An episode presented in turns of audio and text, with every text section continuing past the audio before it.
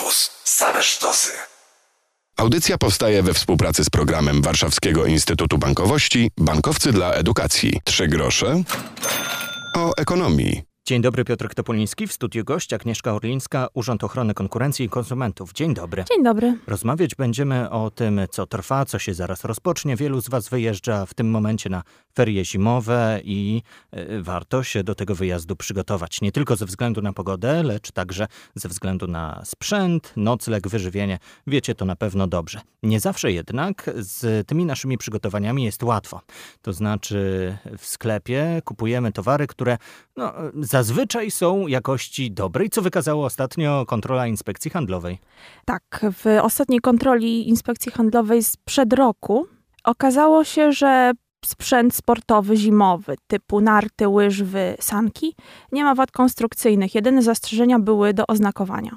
Oznakowania to znaczy? To znaczy na przykład brakowało instrukcji obsługi w języku polskim, która powinna być, czy też danych producenta, dystrybutora, które też są obowiązkowe. Czyli to, co dzisiaj kupujemy, musi zawsze mieć te instrukcje po polsku, tak? Już się trochę do tego przyzwyczailiśmy, ale zdarza się jeszcze, że wśród tych różnych języków polskiego nie ma. Większość sprzętu skontrolowanego w zeszłym roku to był pro, sprzęt pochodzący z zagranicy. Może też z tego to wynika. Gdyby producent był polski, instrukcja również by była, ale jeżeli sprzęt jest sprzedawany w Polsce, to jest obowiązek oznaczeń w języku polskim. To jeszcze może taka wskazówka dla przedsiębiorców. Jeśli ja prowadzę firmę i sprowadzam towar, y, to rozumiem, że muszę jeszcze dodać informacje od siebie, żeby wszystko było zgodnie z prawem? Tak, trzeba zadbać o to, żeby oznakowanie było w języku polskim. Okej. Okay. Brak tych wad konstrukcyjnych w trakcie kontroli może wynikać też z tego, że często y, sprzedawcy czy producenci prowadzą własne kontrole.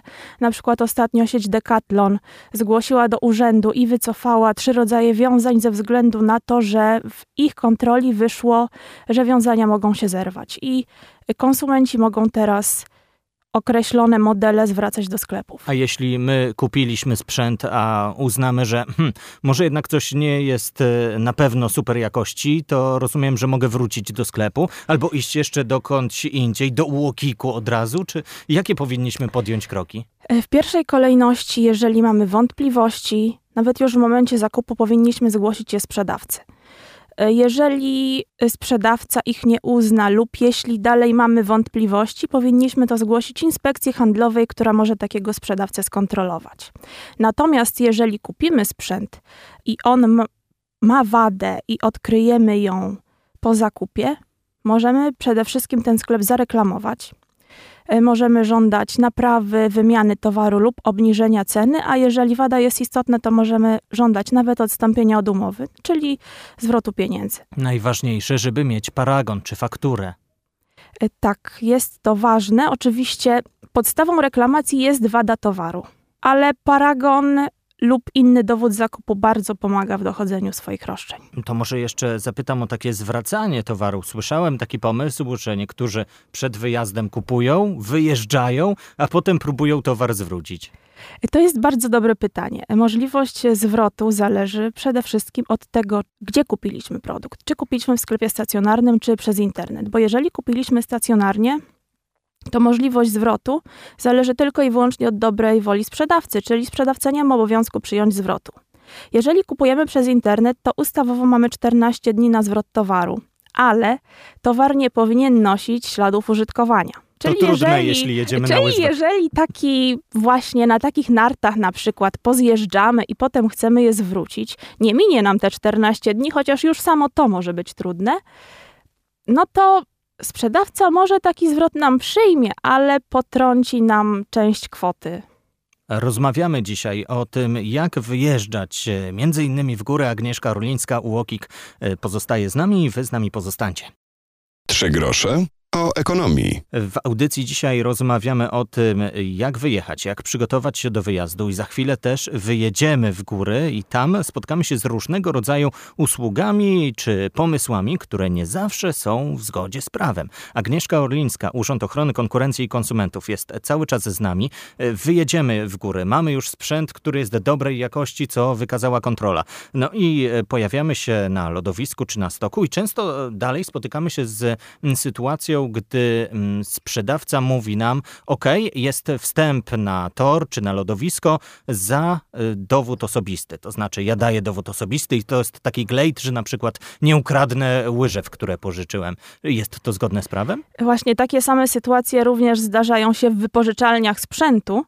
Jest to niezgodne z prawem. Obsługa wypożyczalni i lodowiska nie może żądać od nas y, dowodu, to znaczy może żądać okazania dowodu, natomiast nie może go ani zatrzymać, ani kserować. Okej, okay, ale to znaczy mam się zacząć kłócić, bo mi powie y, prowadzący biznes, że no okej, okay, nie chce pan przystać na nasze zasady, to przecież nie ma obowiązku u nas jeździć. No to wtedy trzeba przede wszystkim taką sytuację zgłosić, tylko już nie do nas, tylko do Urzędu Ochrony Danych Osobowych. Okej, okay, bo to jest złamanie to RODO. To jest złamanie prawa, to jest złamanie RODO.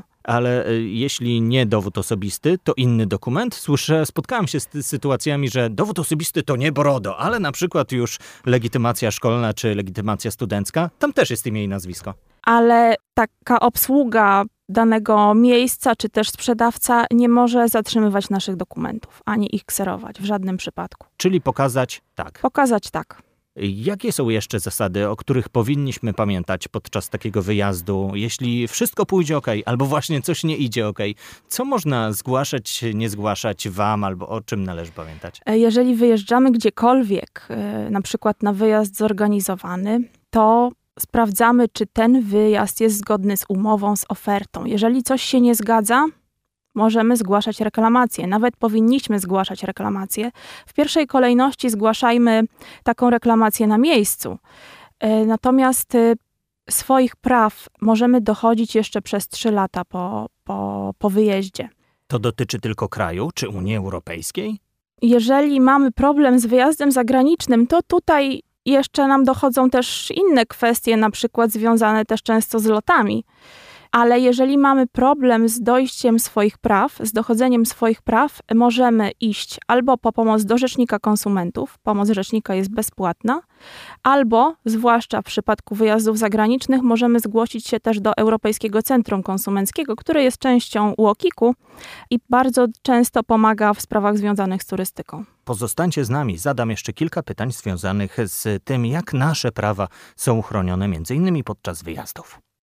Trzy grosze o ekonomii. Agnieszka Orlińska z Urzędu Ochrony Konkurencji Konsumentów jest e, cały czas z nami. Rozmawiamy o prawach, e, jakie mamy podczas wyjazdów, o to, e, co mogą zrobić sprzedawcy, na co im prawo nie pozwala. Przed chwilą podaliśmy różne instytucje, z którymi możemy zgłosić się po pomoc. Rzecznik Praw Konsumenta, Europejskie Centrum Konsumenckie.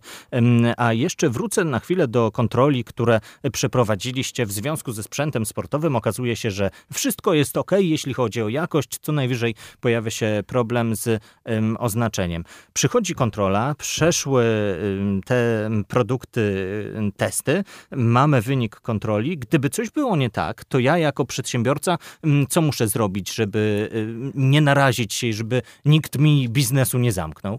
Przedsiębiorcy, zależy też to od konkretnego przypadku, ale usuwają wady lub wycofują sprzęt, powinni podjąć jakieś działania natychmiastowo, natomiast inspekcja również może zgłosić całą sprawę do urzędu i urząd może wszcząć postępowanie względem przedsiębiorcy i postępowanie może zakończyć się karą. Inspekcja również może nałożyć mandaty.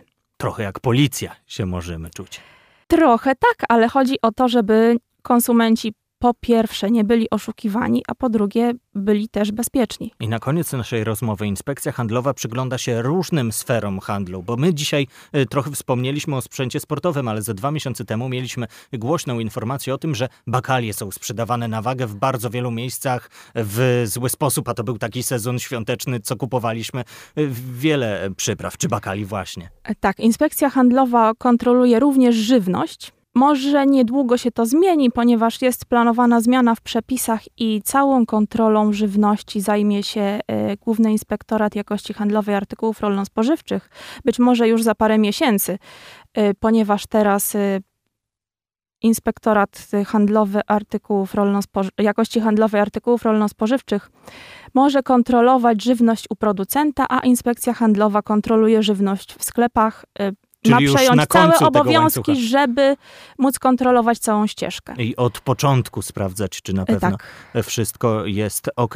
Nasi słuchacze również mogą podejrzeć na bieżąco, jakim sprawom się przyglądacie na różnego rodzaju frontach, bo my dzisiaj rozmawialiśmy o inspekcji handlowej, ale pojawiają się informacje o tym, że UOKiK wszczyna postępowanie w sprawie. Tutaj y, trzy kropki. Na bieżąco o tym informujecie i to są różne sfery życia. Tak, na bieżąco publikujemy komunikaty prasowe na naszej stronie internetowej. Na bieżąco też część naszych komunikatów, czy też informacje na podstawie naszych komunikatów pojawiają się, czy to w gazetach, czy w radiu i telewizji. No a dzisiaj jestem u Dzisiaj Was. tutaj. I y, dziękujemy za te wyjaśnienia. To na koniec uokik.gov.pl to jeden z adresów. Y, Gdzie jeszcze znajdziemy pomoc, gdyby nam była potrzebna podczas Jeżeli wyjazdu? potrzebujemy pomocy w sprawie indywidualnej, ponieważ UOKiK zajmuje się zbiorowymi interesami konsumentów, czyli na przykład wszczyna postępowania, e, natomiast jeżeli chodzi o pomoc indywidualną, przede wszystkim powinniśmy zgłaszać się do miejskich i powiatowych rzeczników konsumentów. Pomoc rzeczników konsumentów jest bezpłatna. We wszystkich większych miastach i w miastach powiatowych tacy rzecznicy są. Poza tym możemy skontaktować się z infolinią konsumencką urzędu 801 440 220 oraz e, kierunkowy 22 290 89 16. E, Poza tym, jeżeli chodzi o problemy na przykład z wyjazdami zagranicznymi, możemy też e, skontaktować się z Europejskim Centrum Konsumenckim.